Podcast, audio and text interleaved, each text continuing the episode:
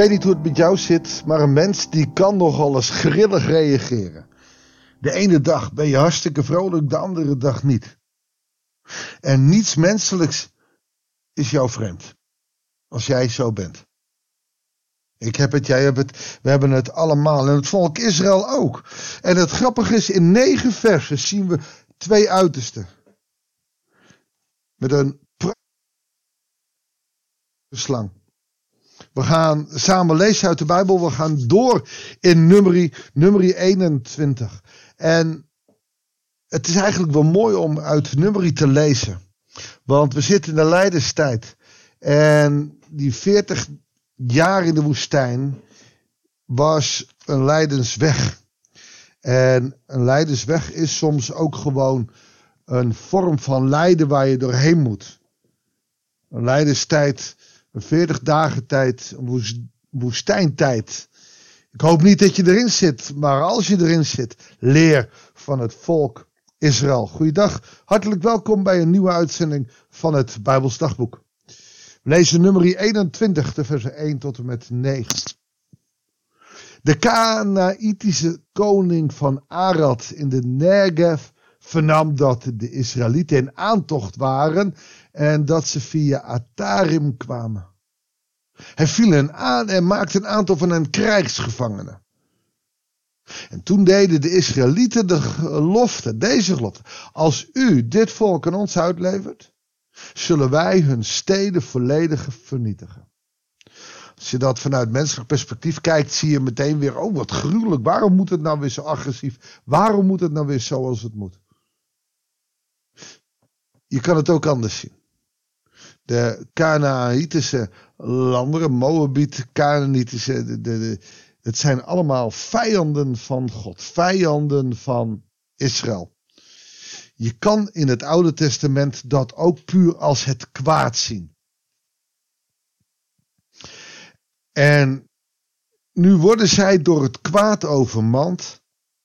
En zij doen God de belofte als u ons helpt, dan veroveren we het volk en daar zullen we niks van overhouden. We zullen het kwaad helemaal verdelgen. Als u ons helpt, God, en, en zo kunnen we ook in die lijdenstijd, uh, als u ons helpt, God, als u ons helpt, Jezus, zullen wij het kwaad uit ons leven doen. En dat is wat God wil. God wil dat wij het kwaad uit ons leven doen. De Heer kwam te hulp en leverde de Canaanieten aan hen uit. De Israëlieten doden hen allen en vernietigden hun steden. De plaats kreeg de naam Gorma. Alles, alles is vernietigd. Het kwaad verdacht. We gaan nog even verder, want misschien kun je dan ook de link met Goede Vrijdag zien. Van Hor trokken ze verder in de richting van de Rode Zee.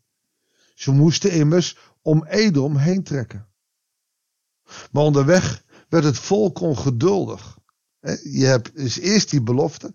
En dan, dan worden ze, ze moeten die woestijn weer in. Ze zijn het helemaal zat. Waarom hebt u ons weggehaald uit Egypte? Kijk, en dat is precies de opposite. Het is heel anders dan die gelofte. Als u dit volk aan ons levert, zullen wij hun steden volledig vernietigen. Oftewel, we vertrouwen op u.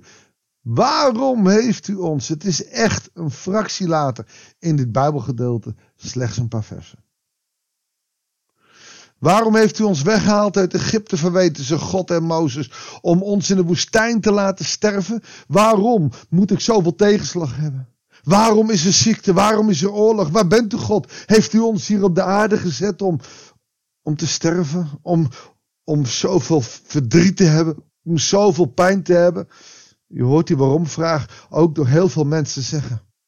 Terwijl het niet God is die hen de ellende heeft gegeven, maar God heeft hen bevrijd. Alleen die bevrijding, zeker ook in deze tijd, zien we anders. Als wij bevrijd willen zijn, willen we zonder regels, grote huizen, veel geld.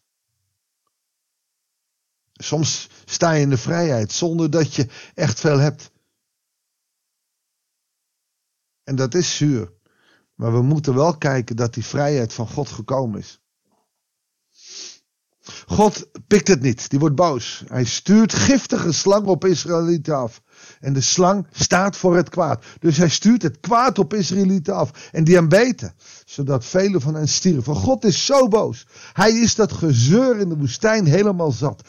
Niemand denkt nog aan de bevrijding uit Egypte. Niemand denkt nog aan hoe ze daar geslagen werden. Hoe ze daar vermoord werden. Niemand. We denken alleen maar aan ons verdriet nu. Het volk gaat naar Mozes. En weer op de knieën. We hebben gezondigd, zeiden ze. Want we hebben de Heer en u verwijten gemaakt. Bid tot de Heer dat Hij ons van die slangen verlost. Mozes bad voor het volk. En de Heer zei tegen hen: Laat een slang maken. En bevestig die op een staak. Slang waarschijnlijk van koper. Ieder die gebeten is en naar kijkt, blijft in leven. Mozes liet, daar gaat hij, een koperen slang maken en bevestigde die op een staak. En iedereen die door een slang gebeten was en opkeek naar de koperen slang, bleef in leven. Wat moet je daar nou mee? Eigenlijk staat hier dat God het volk Israël, zijn kind, het kwaad onder ogen laat zien. En dat is precies wat we met Goede Vrijdag ook moeten doen.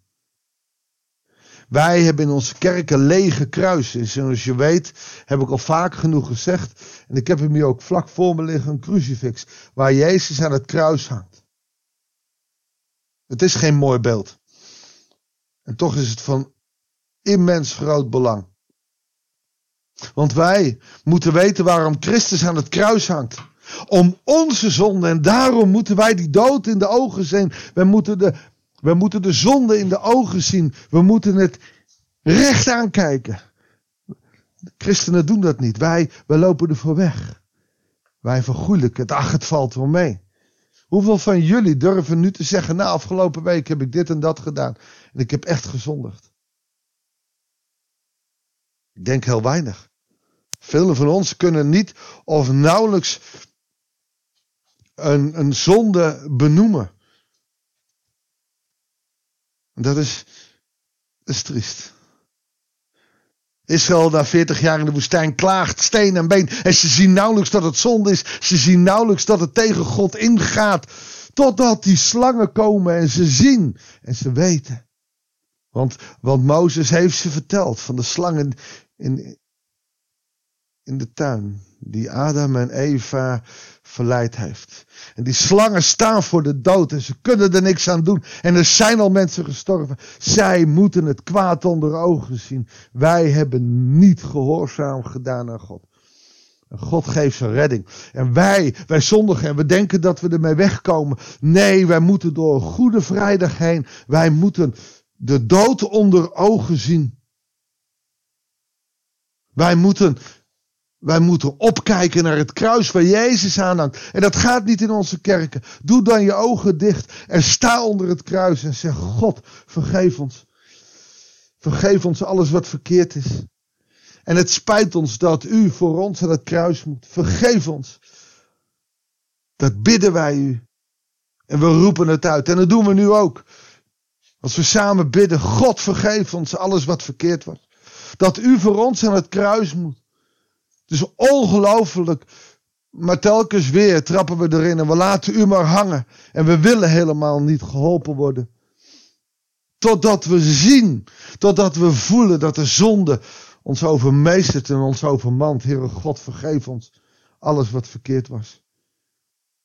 We kijken in gedachten naar het kruis en zien u er hangen. En het bloed uit uw hoofd, het bloed uit uw wonden, het bloed uit de speerwond in uw wagen. En u zegt, het is volbracht omdat u het volbracht heeft voor mij, voor ons, zoals we luisteren. Heer, dank u wel voor alles wat u aan ons doet. Dank u wel voor dat wonder aan het kruis. Dat bidden wij u in Jezus' naam. Amen. Dank je wel voor het luisteren. En dit beeld, neem dit mee in de komende twee weken als we op weg gaan naar Goede Vrijdag. Neem dit beeld mee. Zoals Israël tegen die slang aan moet kijken, moeten wij onze zonde onder ogen zien. Zodat zijn kruisdood niet voor niks was. Ik wens je een goede dag en graag tot de volgende uitzending van het Bijbelsdagboek.